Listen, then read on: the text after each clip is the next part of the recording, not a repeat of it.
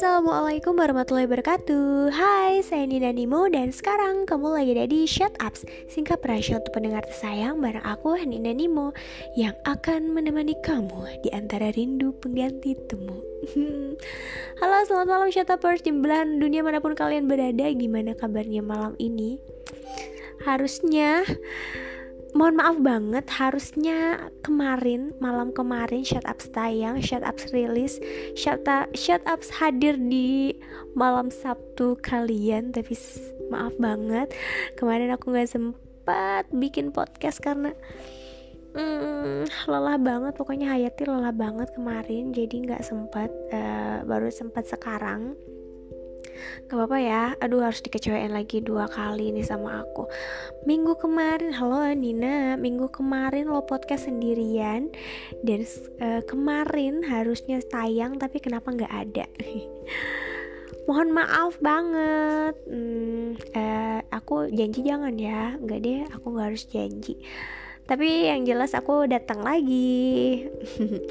Enggak, enggak akan sendirian lagi. Sekarang Tenang aja, aku sekarang bawa mangsa kok. Tenang, tenang, sabar. Soalnya kemarin itu ya, waktu minggu kemarin itu kan aku tayang sendiri nih, monolog sendiri, cuap-cuap sendiri di Shut Ups.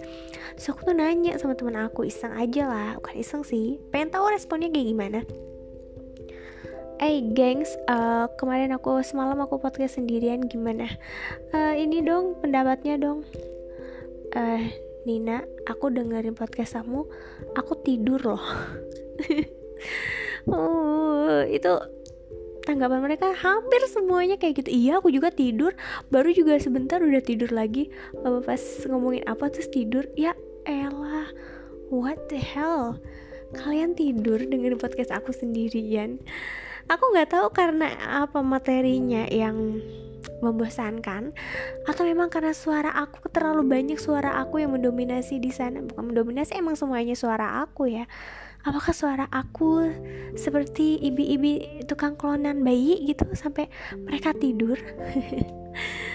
Kayaknya hmm, pengaruh gak sih dari nama aku Nina Bobo? Kayak berasa diklonin mereka ya dengerin aku ngomongin sendiri. Tapi ada hikmahnya juga loh walaupun semuanya tidur gara-gara dengerin podcast gue sendirian ada hikmahnya juga sih. Kayaknya podcast nanti kalau aku podcast sendiri gitu ya itu kayaknya recommended banget buat yang punya masalah tidur. Punya masalah sama tidur. Bukannya nggak bisa bangun-bangun sih maksudnya nggak bisa tidur-tidur gitu. Yang mengalami insomnia kayaknya cocok banget buat kalian yang punya insomnia buat dengerin podcast aku. Yang sendirian ya. Kalau yang ada bintang tamu kayaknya seru. Tapi kalau yang sendirian kayaknya bikin ngantuk. Jadi kalau kalian sedang mengalami insomnia, silahkan dengarkan podcast aku yang sendirian. Nanti aku coba buat segmen khusus yang insomnia, yang sesat tidur. Tapi apa karena mereka aja yang pelor ya?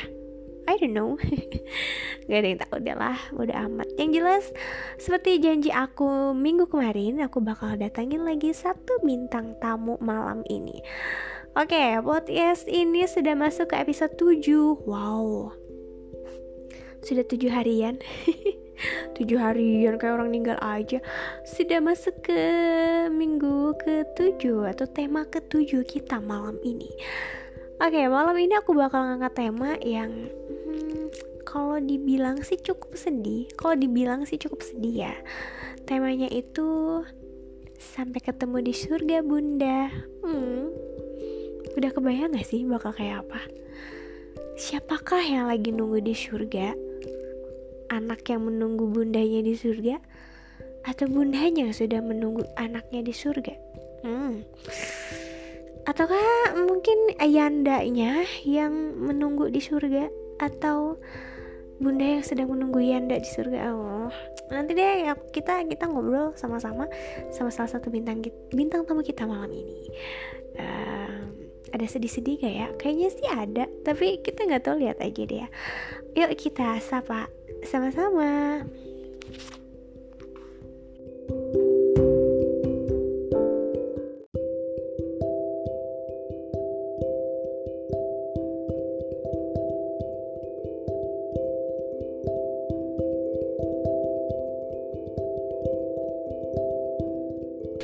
Halo, selamat malam kakak. Cie. Halo, selamat malam juga. Uh, gimana kabarnya? Hmm, Alhamdulillah baik. Uh, lagi sibuk apa nih sekarang? Ya, sekarang tetap masih dengan kesibukan belajar online ya, karena pemerintah belum mengajarkan di sekolah untuk tatap muka. Jadi masih sibuk dengan daringnya. Aduh semangat ya kakak guru, neng guru. Uh, sebentar lagi kita mau bulan puasa, mau bulan Ramadan, tinggal menghitung hari. Udah ada persiapan apa aja nih untuk Ramadan? Uh, persiapannya kita menyiapkan diri aja ya untuk di bulan Ramadan itu untuk lebih baik lagi ya, uh, untuk rajin sholat, terus uh, ya menyiapkan diri aja lah. Jangan banyak gibah pokoknya ya di bulan Ramadan. aduh aduh itu susah banget ya untuk menahan lapar dan menahan haus ya. Kayaknya aku kuat deh kuat banget kayaknya. Tapi kalau nahan buat gibah itu susah sumpah susah. Terus kita kalau nggak gibah ngapain? Baca doa eh baca Quran yang banyak ya. Mumpung Ramadan gue segibah aja bener. Bagus banget sih uh, pesannya. Jangan banyakin gibah gengs ya. Shutupers di mana pun kalian berada. Please kurangi gibah. Kalau bisa bulan Ramadan nggak usah gibah deh. Udah kok di rumah aja. Uh, gimana keluarga di rumah sehat Alhamdulillah sehat. Oke, okay, uh, berbicara tentang tema aku, tema kita malam ini, aku tahu uh, tema kita nih ya, sampai ketemu di surga bunda. Hmm, jadi siapakah yang menunggu kamu di surga? Hmm, itu anak aku ya, yang pertama itu, itu adalah ya dia anak yang diinginkan gitu ya, tapi dia mendahului aku gitu jadi uh, yang menunggu kamu di surga adalah uh, anak ya. Jadi ada baby di sana yang menunggu. Oh, boleh nggak sih diceritain uh, gimana sih awal-awal gitu sampai kehilangan apalagi tadi yang bilang kalau si dedek bayi itu adalah yang ditunggu-tunggu banget. Uh, boleh nggak aku tahu ceritanya awal-awal awal-awal nih awal-awal ketika uh, kamu mendapatkan kabar kalau uh, anak kamu tuh nggak ada. Ya, um, itu adalah anak pertama ya, yang mungkin ini ya sedih juga karena uh, itu anak beneran-bener anak yang diinginkan gitu. Kenapa diinginkan? Soalnya kan aku tuh pernikahan udah mau hampir lima tahun ya. Nah kemudian aku uh, positif tuh positif hamil ya. Aku seneng banget sama suami sama keluarga juga ketika uh, aku tuh positif hamil. Nah tetapi pada usia enam bulan mau menginjak ke tujuh bulan uh, dia baby aku tuh meninggal di dalam perut gitu. Uh, ya mungkin sebabnya kata dokter mah ya keracunan katanya gitu. Ya keracunan makanan pedas kali ya. Ya aku waktu hamil suka makan pedas sih. Ya itu juga kesalahan dari aku mungkin atau Oke, jadi waktu itu berarti masih dalam kandungan ya? Berarti belum lahir waktu itu kan? Iya, belum lahir. Masih dalam usia tujuh bulan itu di dalam kandungan dia berarti meninggal di dalam kandungan. Jadi katanya karena makanan pedas. Emang kata dokternya seperti itu? Ya kata dokternya seperti itu. Karena uh, di ususnya itu kering gitu. Usus bayinya kan ari-ari ya kalau bahasa Sunda mah ya. Ususnya itu kering hitam kayak gitu pas lahiran tuh. Eh, katanya kata dokter keracunan makanan katanya gitu. Oke. Waktu itu pas tahu kalau dede udah nggak ada apalagi meninggal dalam perut nggak akan. Sebenarnya kayak kebayang banget sih rasanya gimana. Itu bukan kebayang ya. Aku emang belum pernah ngalamin tapi kayaknya harus nanya. Tapi aku pengen nanya gimana perasaannya waktu itu gitu. Aku tahu sih sedih banget tapi gambaran sedihnya tuh seperti apa ya aku sedih banget sih ya. Ya ya sedih banget lah kecewa juga terhadap diri sendiri gitu. Uh, kenapa ya aku harus makan pedas itu? Jadi waktu itu uh, karena makanan pedas terus ari-arinya katanya uh, jadi nggak sehat ya jadi hitam jadi mungkin kebayanya juga berpengaruh. Nah uh, boleh nggak sih kronolo uh, kronologis awal kejadian kejadiannya tuh gimana? Waktu pas pertama kali kamu tahu atau merasakan uh, ada yang beda atau sebelum si Dede ini didiagnosis meninggal dunia gitu. Sebelumnya tuh uh, gimana kronologisnya awal-awalnya? Oke, awal-awalnya itu ya waktu aku tuh masih sempat ngajar ya hari Kamis tuh. Nah, pas gitu aku tuh pulang karena uh, ini apa sih? Nggak ada detak jantungnya lagi gitu. Pas hari Kamis jam 2 itu aku masih ingat ya. Terus aku pulang. Pas lagi di sekolah tuh aku pulang. Nah kemudian aku ke bidan cek pada sore hari ya. E, kata bidan sih baik-baik aja ya. Udah didetek jantungnya gitu. Malah kata bidan harus ke puskesmas untuk cek uh, darah kayak gitu ya. Karena kan itu mau menjelang lahiran ya udah tujuh bulan. Nah tapi aku tungguin tuh semalaman malam Jumat itu. Kan biasanya usia tujuh bulan itu bayi tuh udah ada gerakan ya dari usia empat bulan kayaknya ya gerakan itu. Nah sampai semalaman itu sampai pagi aku tungguin bayi itu nggak gerak-gerak. Ya jadi aku tuh langsung uh, cek USG gitu ke klinik. Nah kata klinik ya emang ini mah ya udah nggak ada katanya. Tapi coba aja ke rumah sakit kayak gitu.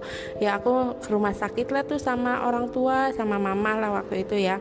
Ya ke rumah sakit langsung ke IGD di IGD diperiksa ya segala macam di rumah sakit itu ya.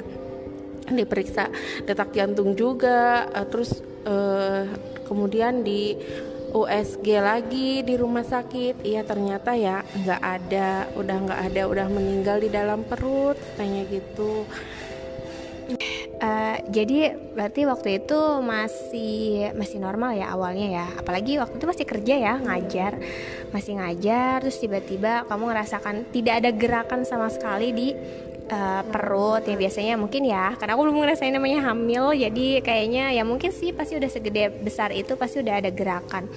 Jadi uh, usahanya tuh masih tetap berusaha dan berpikir positif kalau dede itu masih ada ya. Karena waktu pas di bidan aja tadi bilangnya masih ada detak jantung ya? Iya di bidan mm, ya, kata bidannya di kliniknya ya coba aja ya. Siapa tahu ada keajaiban kayak gitu. Ya dan aku cobalah untuk ke rumah sakit Ya oke. Okay. jadi uh, jadi pas kamu datang ke bidan tuh nggak langsung diagnosis oh ini udah meninggal tapi katanya masih ada ya bidan masih ngasih semangat motivasi. Padahal bidan mungkin udah tahu ya bahwa dede itu udah nggak ada. Makanya dia untuk ngerujuk ke rumah sakit gitu. Supaya lebih jelas lagi gitu ya. Mungkin dari bidan kan uh, kita peralatannya nggak terlalu lengkap. Nah hmm, aku nggak sebenarnya nggak mau nanya tentang perasaannya gimana ya. Pasti siapa sih yang nggak sedih kehilangan seorang yang ditunggu-tunggu? Tapi boleh nggak diceritain digambarkan saat itu perasaan kamu gimana Iya perasaan aku pas dibilang sama dokter itu bahwa ya ini mah udah nggak ada di dalam perut. Ya aku sedih banget gitu ya. Itu uh, pas mendengar itu tuh di siang hari ya kayak yang disamber petir kayak gitu ya. Kenapa sih harus nggak ada gitu? Kenapa sih uh, ini padahal anak yang aku inginkan selama lima tahun gitu? Kenapa dia harus nggak ada lah di padahal ini aku pengen banget sama suami tuh ya. Aku ini sambil gemeteran nih masih mengingat kejadian itu ya. Terus uh, pas waktu itu tuh aku tuh kenapa orang lain mah dikasih ya? Bayi aku mah nggak ada gitu. Kan senderan tuh ya di rumah sakit tuh ya sama uh, yang melahirkan gitu. Aku dengar suara bayi di situ tuh aku tuh sedih banget ya Allah kenapa harus aku mah nggak ada dedenya gitu. Yang lain mah ada dedenya gitu. Lahiran dengan selamat kayak gitu. Ya tapi ya ada motivasi dari keluarga sih keluarga yang ngasih support yang ngasih motivasi. Eh jadi justru sedihnya karena melihat di sisi kita itu ada orang lain yang melahirkan tapi bayinya selamat gitu kan. Sedangkan kita waktu itu dedenya dilahirkan berarti ya. Dilahirkannya secara waktu itu sesar atau dinormalkan waktu itu ya lahirannya lahiran normal tapi di uh, apa pakai obat kayak gitu ya. Uh, diinduksi kayak gitu.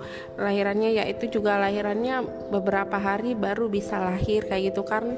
Karena ini kan sulit gitu karena udah meninggal di dalam perut jadi kan sulit untuk mengeluarkannya gitu. Oke okay. hmm Oh, aku sedih. Yang lain ketika lahir dedenya, adiknya ada sama-sama ada, cuma yang satu hmm, harus dipanggil sama Allah duluan. Uh, oh ya, selama podcast ini aku minta maaf kalau mendengar suara-suara aneh ya. Soalnya kita nggak bisa banget dapat tempat yang tenang buat podcast karena studio aku karena aku nggak bisa langsung pulang ke studio aku jadi kita nyari tempat yang susah banget. Jadi mohon maaf kalau misalnya selama podcast kalian mendengarkan suara gelontrang klotruk klatrak gedebug itu anggap aja backsoundnya oke okay. hmm, tadi uh, waktu itu ya ya waktu itu nih pas di rumah sakit kamu pasti ngerasain sedih ngerasain uh, apa namanya ya aku nggak tahu dia rasanya kayak gimana. Pokoknya sedih aja gitu ya ngelihat dede bayinya ternyata udah nggak ada. Tapi waktu itu kamu sempet panik gak sih? Maksudnya panik banget kayak minta ke dokter gitu supaya ini dedenya kayaknya masih bisa diselamatkan sih dok. Masih bisa enggak atau kamu udah ya udahlah pasrah aja gitu ketika dokter bilang ini udah nggak ada apalagi pas dilahirkan gitu. Kamu sempet uh, ini nggak sih? Maksudnya uh, punya rasa apa ya keinginan bukan keinginan sih. Uh, aduh apa sih ngomongnya? Kau sempet per ini gak sih kayak ngerasa aduh kayaknya ini dedenya udah udah dilahirin nih. Terus kayaknya uh, dong ini masih ada harapan gak sih buat hidup gitu? Diapain gitu dari bayinya? Di di pacu jantung atau gimana? Kau pernah kayak gitu nggak ke dokter? Atau cuma ada dalam pikiran aja tapi nggak dilakukan ya kayaknya cuma ada dalam pikiran aja ya bahwa keajaiban gitu adanya keajaiban dede itu selamat gitu hidup lah. Nanti dia hidup sama aku bareng sama aku gitu aku bisa membesarkan dia. Tapi ya kayaknya itu keajaibannya mustahil banget gitu karena kan itu juga udah di dalamnya udah meninggal duluan. Jadi nggak mungkin dia hidup hidup lah dalam keadaan hidup melahir dilahirkannya ya jadi dalam diri kamu udah oh ya udah pasrah aja karena dari kandungan aja dia udah nggak selamat gitu ya apalagi udah dilahirkan jadi eh, nggak uh, nggak mengharapkan lebih dari itu gitu Oke, okay. tapi sempat sama dokternya sempat diliatin nggak ke kamu ini bayinya untuk terakhir kali dilihat gitu? Iya aku sempat lihat tapi lihatnya aku itu enggak dari dokter langsung ini kayak gitu.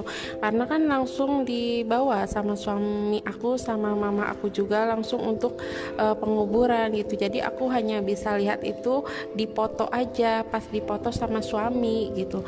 Ah uh, gimana ya perasaannya? Aduh lemas sedih uh, pokoknya sedih banget lah rasanya kehilangan anak apalagi ini anak yang aku ingin-inginkan gitu. Aku hanya bisa melihat fotonya. Sampai sekarang juga aku hanya melihat bisa melihat foto dia yang sudah tidak bernyawa lagi gitu. Jadi waktu itu eh, nggak uh, dikasih lihat ya. Cuman mungkin sama suami langsung dibawa. Uh, mungkin juga suami mengingatkan takutnya kamu bakal jadi lebih sedih lagi. Jadi ya udahlah dibawa aja biar nggak usah ingat-ingat lagi. Tapi by the way waktu itu uh, bayinya laki-laki apa perempuan? Bayinya laki-laki. Hmm, ya jadi malaikat di surga. Hmm, jadinya laki-laki ya. Tapi ya, anaknya waktu dulu kamu pengennya kalau lahir anak laki-laki apa perempuan? Ya aku mah pengen dikasihnya sedikasih sama yang maha kuasa aja ya. Entah itu perempuan entah itu laki-laki ya aku mah terima aja. Karena kan uh, udah lama juga penantian yang panjang selama lima tahun gitu. Oke ini benar-benar penantian panjang banget. Ya lima tahun ya. Nggak nggak sebentar tiba-tiba dedenya langsung ah, dipanggil lagi ya ada ujian lagi. Waktu itu uh, kamu pas tahu eh enggak pas ke dokter itu siapa aja yang nganter waktu itu Waktu itu yang nganter orang tua aku, mama, sama tetangga saja. Karena kan suami aku kerjanya jauh ya di Jakarta, jadi dia nggak bisa langsung pulang. Uh, dia sorenya pulangnya gitu. jadi waktu itu memang lagi keluarga aja ya. Dan suami juga belum pulang. Nah, respon suami waktu pas di rumah sakit ketika tahu kalau dede itu udah nggak ada, apalagi bahkan dia yang menguburkan juga, responnya waktu itu gimana suami? Suami responnya ya dia juga sedih ya kehilangan. Karena kan ya emang ini penantian panjang dia juga mengharapkan uh, adanya seorang anak gitu. Dan pas ini lahiran yang pertama ya dia sedih banget sampai dia pas mau penguburannya juga dia sempat nangis dia nangis aja sampai ngadanin juga dia di dalam kamar gitu. Kan emang bayi kan pas begitu lahir harus diadanin ya nah dia di kamar karena dia sedih gitu nangis katanya gitu. Orang dan gak mau orang lain tahu gitu. Uh, sampai sekarang juga dia mah tetap kalau pulang dari Jakarta dia tetap ke makam untuk membersihkan makamnya si Dede. Jadi emang uh, pas ya sedih. Ya pastilah sedih. Tapi waktu itu setelahnya nih ya setelahnya mungkin setelah menguburkan setelah setelah semua proses selesai suami sempat marah nggak sih sama kamu? Atau nyalain kamu ya gara-gara kamu nih nggak jaga kandungan jadi anak kita nggak ada. Apalagi anak kita udah lama banget ditunggu. Marah nggak sih suami sampai nyalahin kamu nggak waktu itu? Suami ya nyalahin mah enggak tapi mungkin ya di dalam hatinya mungkin kecewa ya. Dia pengumpulan pengungkapan marah ke akunya mah enggak sih. Ya mungkin dia sempat kecewa juga karena ya kan ini baby yang ditunggu-tunggu loh. Kenapa sih kamu nggak menjaganya? Ya mungkin seperti itu ya dalam hatinya mah jadi nggak ada ungkapan marah secara terbuka ke kamu ya. Uh, jadi dia cuman ya biasa aja gitu. Tapi apa lebih uh, lebih ngehibur kamu? Apa lebih ngediemin kamu gitu ya dia lebih menghibur. Lebih menghibur aja sih kalau dia mah. Ya karena dia kan orangnya emang jarang mengungkapkan kemarahan gitu sama aku. Paling dia kalau marah juga dia mah diem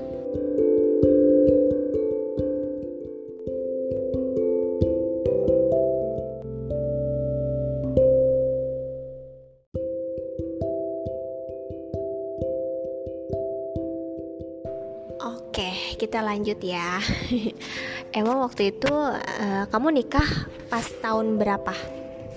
Aku nikah waktu itu tahun 2013 akhir Desember. Uh, dan kamu bilang katanya penantiannya tuh lama banget sampai ke hamil. Nah waktu hamil kamu hamil anak pertama itu tahun berapa? Aku hamil anak pertama itu uh, dede yang gak ada ini ya tahun 2018 berarti bener ya lima tahun. Nah pas kejadian dede itu nggak ada masih ingat gak bulan apa tanggal apa hari apa? Iya masih inget sih uh, tanggal eh bulan Mei ya tanggal 5 kalau nggak salah. Bulan Mei tanggal 5 2018 dan tahu nggak gengs waktu itu kita adalah satu rekan kerja. Dan Mei itu dua hari setelah teman aku yang ini uh, kakak aku itu kehilangan bayinya dua hari kemudian aku nikah. Jadi yang satu adalah menerima kebahagiaan yang satu menerima kesedihan. Jadi aku tuh inget banget kalau misalnya ada yang nanya ini uh, waktu itu dedenya kejadiannya kapan? Aku pasti langsung inget karena itu pas banget uh, dua hari sebelum aku nikah. Jadi aku juga bingung ya waktu itu juga nggak datang ya ke nikahan aku karena hmm, ada kejadian dede meninggal jadi aku juga ikut sedih sih. Padahal aku lagi bahagia gitu kok ada teman aku yang lagi sedih jadi aku bingung ya gimana. Jadi aku ingat banget waktu itu kejadiannya sih. Kita beberapa hari aja jelangnya. Pas ingat banget pas aku waktu mau pulang mau pulang dari kantor dari sekolah terus tiba-tiba ngeliat statusnya dia itu uh, statusnya tuh ya dia bilang kalau dedenya udah nggak gerak-gerak. Loh aku jadi sedih ya pas di ternyata diselidik-selidik yes uh, dedenya udah meninggal. Aduh geduk-geduk. Maaf geng maaf banget. Iya saat itu ya kamu ada pernikahan dan aku kehilangan anak aku. Ya ada kebahagiaan dan ada kesedihan ya aku juga inget ya pernikahannya kamu gitu. Iya berarti sama dengan usia anak aku yang gak ada gitu. Jadi aku kalau nanya sama kamu usia pernikahan kamu berapa? Oh sama. Hanya seperti usia anak aku gitu. Karena kita kan sama ya kamu mau menikah aku kehilangan anak.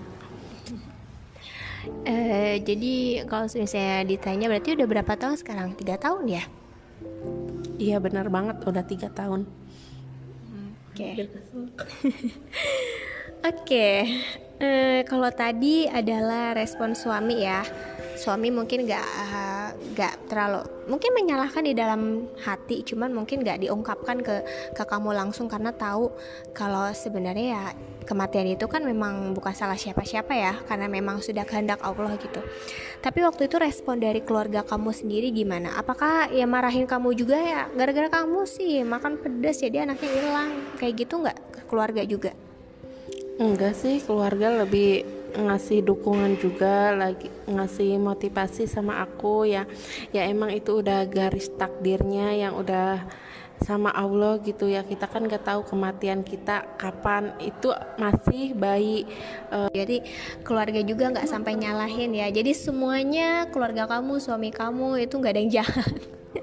Nggak kayak di film ya. Aduh kayak aku korban sinetron banget sih. Padahal orang-orang gak sejahat itu ya. Ya alhamdulillah gitu. Kamu dapetin keluarga dapetin suami yang selalu mendukung kamu yang selalu menghibur kamu dan selalu berpikiran positif bahwa yes uh, kematian itu ya punya Allah gitu deh. Dan gak ada siapa pun yang berjanji kalau bakal hidup jauh lebih lama termasuk juga anak ya. Yang kemungkinan kita selalu mikir bahwa anak itu masih kecil nggak mungkin meninggal duluan sebelum orang tuanya. Who knows? Dan ternyata banyak yang anak men pergi meninggalkan orang tuanya dulu sebelum orang tuanya gitu.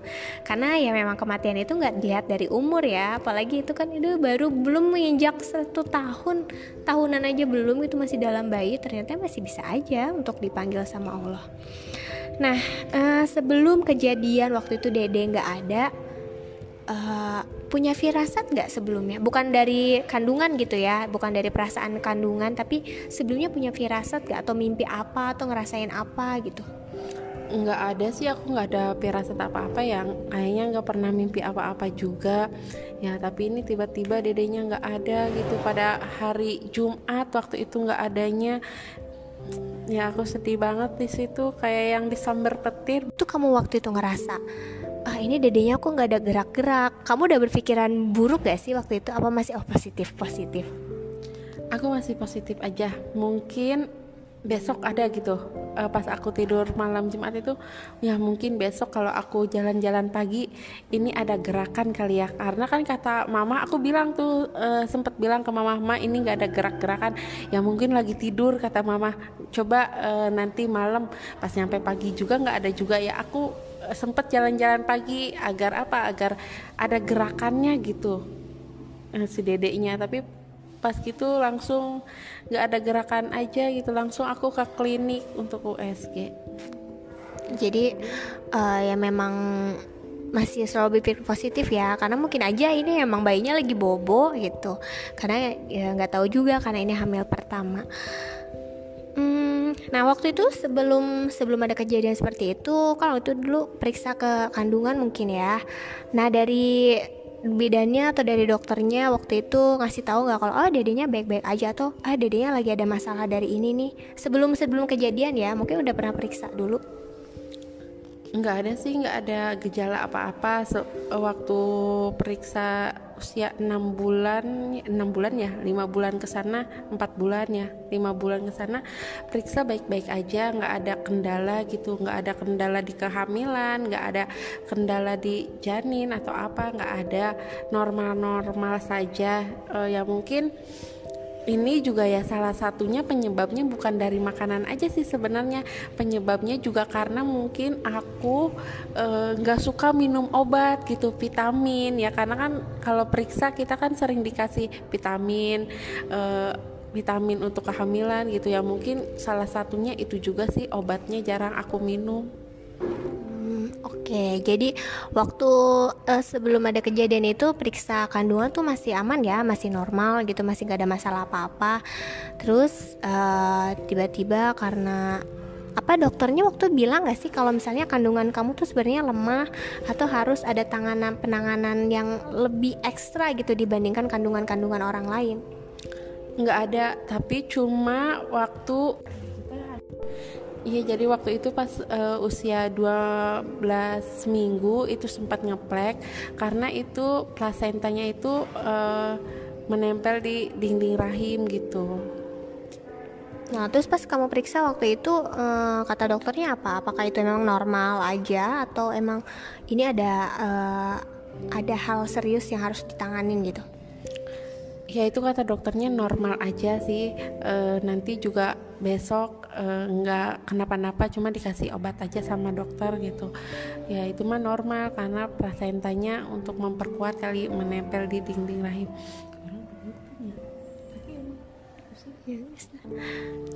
Dan katanya kamu waktu itu nggak uh, pas sebelum sebelum sebelum dede itu nggak ada katanya nggak pernah minum obat dari dokternya vitaminnya dan kenapa nggak diminum?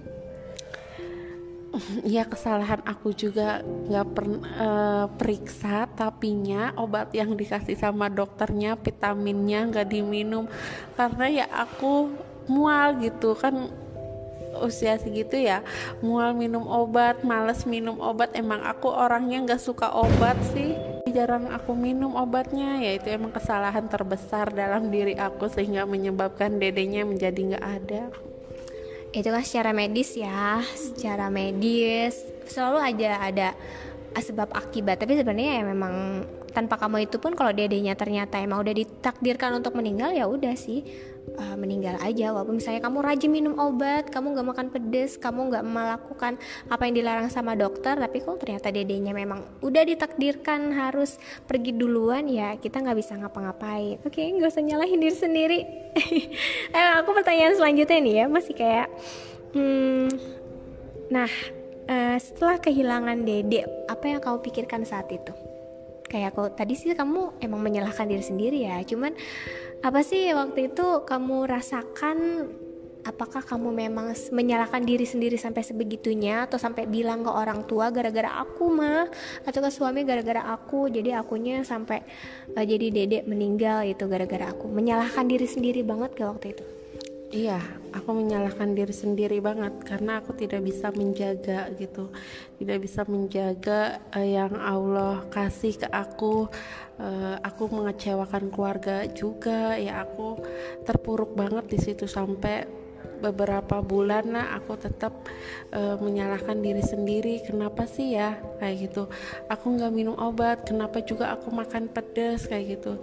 Ya itu kesalahan terbesar dalam hidup aku kalau waktu bisa diputar kembali, apa yang bakal kamu lakuin? Yang bakal aku lakuin mengubah diri aku gitu. Aku nggak akan makan pedas lagi. Aku nggak akan eh aku akan minum obat.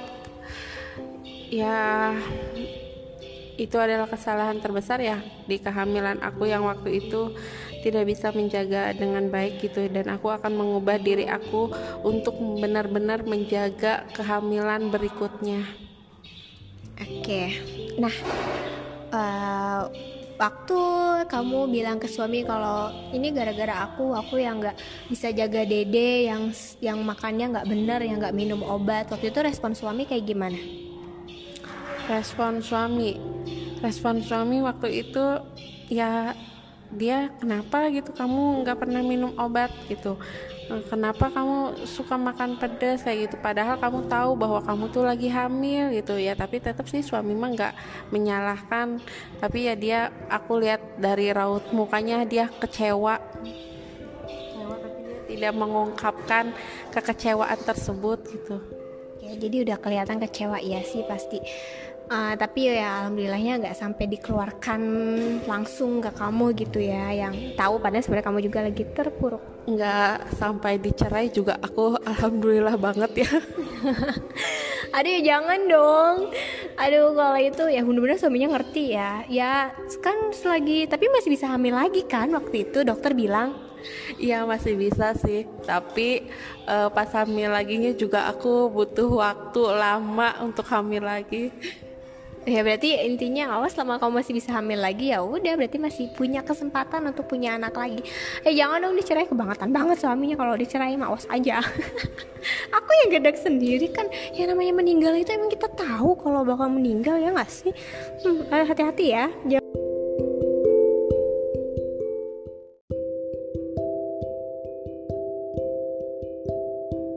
Oh, by the way, nama de eh, dedenya waktu itu udah sudah lahir uh, dikasih nama nggak? Iya dikasih nama. Waktu itu uh, dikasih nama pas aku masih di rumah sakit ya terus kan langsung dibawa pulang untuk proses penguburan. Dikasih namanya itu kata suami aku Tito. Itu penggabungan tahu nggak? Penggabungan antara nama orang tuanya antara nama aku ibunya sama ayahnya penggabungan Tia Anto katanya gitu kata suami aku. Ya aku juga di situ sempat kesel ya kenapa namanya itu emang nggak ada nama lain gitu? Kata suami aku ya orang dadakan orang harus cepet-cepet dikasih nama katanya gitu Oh, jadi namanya itu penggabungan antara nama Anda dengan nama suami Tito jadinya. Emang waktu sebelumnya nggak nggak punya apa namanya uh, bukan cadangan nama ya, udah nyiapin nama belum sih sebelumnya buat si Dede gitu. Karena belum tahu kalau bakal nggak ada, sebelumnya udah nyiapin nama belum? Ya sebelumnya ya belum karena kan belum melahirkan gitu. Ya kirain aku bakal uh, apa bakal lahiran nyampe 9 bulan gitu dan dia bakal selamat ya. Jadi kita nyantai-nyantai aja belum menyiapkan nama gitu. Dan itu pas itu namanya dadakan kasih namanya itu. Ya udahlah nggak apa-apa ya. Oke. okay. Uh, jadi emang belum ada nama yang disiapkan karena mungkin mikirnya eh, oke okay, masih lama lah 9 bulan. Namanya belum ter ini jadi bikin nama dadakan namanya Tito. Ya mudah-mudahan Tito bisa sabar menunggu ibu dan ayahnya di sana menjadi bidadari surga menjadi bidadari di surga yang bakal hmm, menemani. Oh iya bidadara ya? Oh cowok ya aduh lucu. Maafkan maafkan ya. Aku taunya udah bidadari surga aja. Ya bidadara surga yang menunggu orang tuanya di sana. Nah setelah maaf ya. Aduh aku antara sedih dan lucu. Rese ini emang kakak. Setelah kehilangan dede atau tito de tito waktu itu ada perubahan gak yang terjadi di rumah tangga kamu nggak uh, ada perubahan ya tetap kita menjalani secara normal ya. Ya mungkin harusnya ada gitu ya uh, dia udah berapa bulan atau kalau misalnya lahir mah ya dia ada gitu. Ada bentuknya aku nimang-nimang bayi ya tapi nggak ada perubahan sih aku sama suami tetap menjalani kehidupan gitu kehidupan yang seperti biasa ya harusnya mah kehidupan yang bahagia ya dengan lahirnya dede tapi ini dedenya dipanggil sama Allah duluan gitu Oh, Oke, okay. jadi memang emang gak ada perubahan ya, kecuali memang kesedihan yang masih ada mungkin saat itu.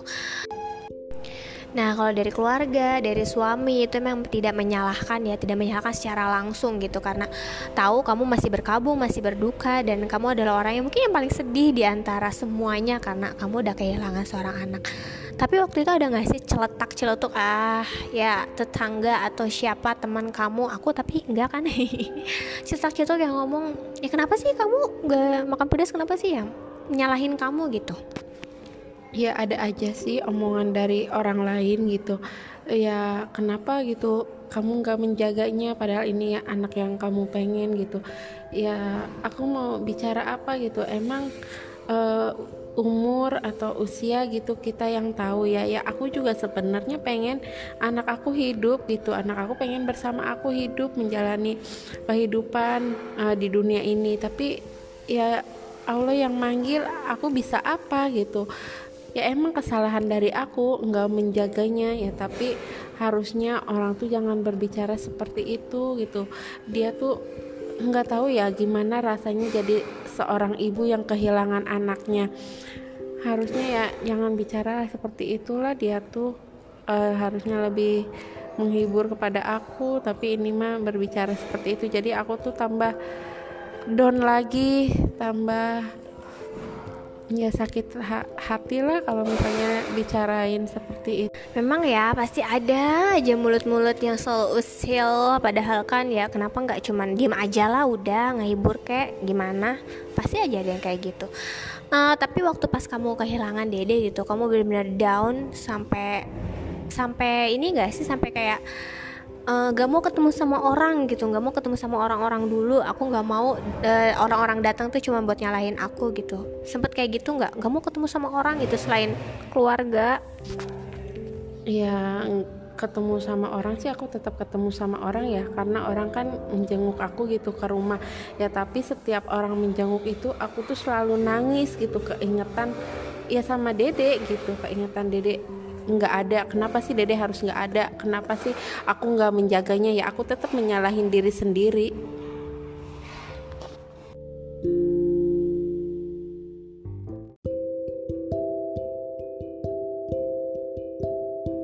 Nah, waktu itu setelah kehilangan Dede Tito, Nah, kamu trauma nggak buat mengandung lagi? Trauma nggak buat mengandung kalau misalnya nanti aku mengandung lagi anak aku bakal nggak ada lagi atau aku bakal ngelakuin kesalahan lagi yang membuat uh, anak aku bakal meninggal gitu. Trauma nggak waktu itu? Untuk trauma uh, hamil lagi aku enggak malah aku pengen hamil lagi gitu. Dan aku kalau misalnya hamil lagi aku ingin menjaga kehamilan ini benar-benar gitu. Uh, aku akan minum obat dan juga aku nggak akan makan pedas Oke, jadi uh, kamu nggak ada trauma sama sekali untuk hamil ya. Bahkan mungkin kamu akan lebih memprotek lagi anak kamu supaya nggak kejadian keulang lagi untuk kedua kalinya ya. Semoga aja ya. Dan setelah beberapa waktu berlalu, apakah mengandung lagi? Iya, aku mengandung lagi atau aku hamil lagi setelah satu tahun lebih dan itu juga prosesnya sangat uh, sangat apa ya, sangat panjang gitu. Karena aku kan ini pengen banget anak ya. Oke, ini kan pengen banget anak ya aku. Jadi aku uh, selama satu tahun itu aku menjalani promil gitu, program hamil ke rumah sakit ya. Karena kan ini bener-bener pengen banget dan aku kalau misalnya hamil lagi nanti aku akan menjaga benar-benar bayi yang ada di dalam kandungan aku.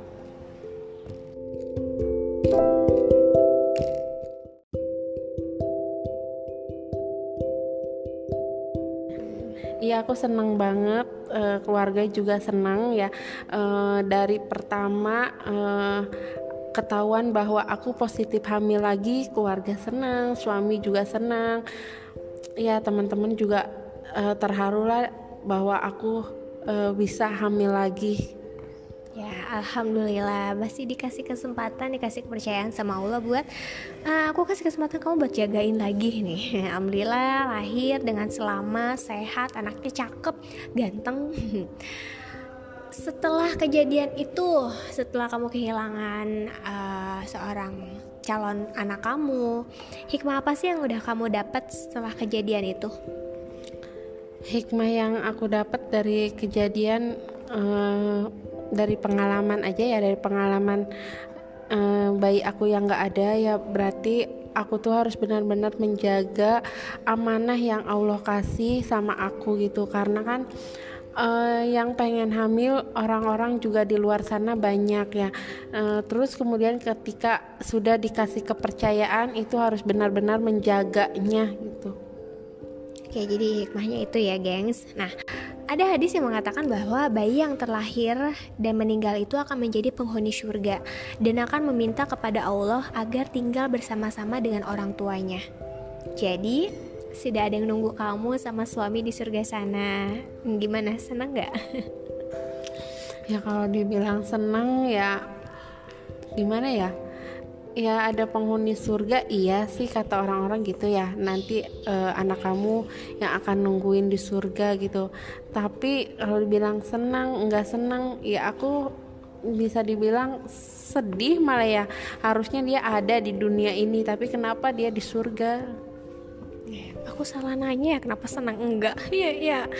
Iya sih membingung ya. Kalau dibilang senang iya sih senang. Ada yang nungguin kita di sana di surga itu udah ada seorang bayi mungil yang bakal menunggu kita tapi sedihnya ya ya harusnya dia udah sih di dunia aja gitu. Uh, bisa sama aku sama orang tuanya bareng. Ya salah salah nanya. Ya deh pokoknya intinya itu ya bakal ada seorang yang udah nunggu kamu di surga sana. Next terakhir pesannya dong kasih pesan kepada calon orang tua atau yang mungkin sekarang sedang mengandung pesan kamu supaya uh, tidak terjadi uh, apa pun di kandungannya atau tidak mengalami hal yang sama dengan kamu? Hmm, pesannya buat yang lagi mengandung atau buat yang menungguin garis dua ya uh, sabar aja ya uh, terus juga tetap tawakal, tetap ikhtiar, tetap meminta sama Allah dan juga ketika kamu sudah dikasih kepercayaan, harap menjaga kepercayaan itu jangan kamu sia-siakan gitu. Kamu harus rajin minum obat yang dikasih sama bidan gitu. Jangan kayak aku ya, jangan ngikutin aku gitu dan juga kamu jangan makan pedas juga. Hindari makanan pedas, hindari minum soda ya karena itu kan nggak baik uh, buat kehamilan. Oke, pesannya luar biasa banget ya, gengs. Karena uh, apa yang dialami sama kakak kita yang satu ini tuh emang luar biasa menyedihkan juga. Jadi supaya tidak ada yang mengalami hal yang sama dengan dirinya, jadi banyak banget pesan yang disampaikan. Oke, terima kasih buat kakak. Eh, kita tadi kenalan parah banget. Makasih ya kakak Tia.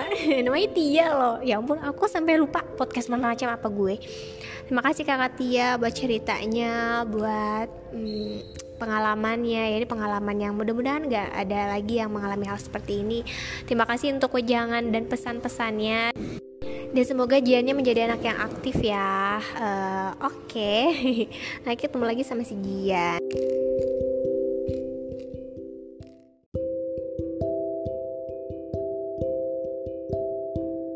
So, Shutupers itu tadi obrolan kita, perbincangan kita sama kakak Tia yang menceritakan pengalamannya, menceritakan kesedihannya tentang kehilangan uh, putra pertamanya atau calon bayinya waktu itu.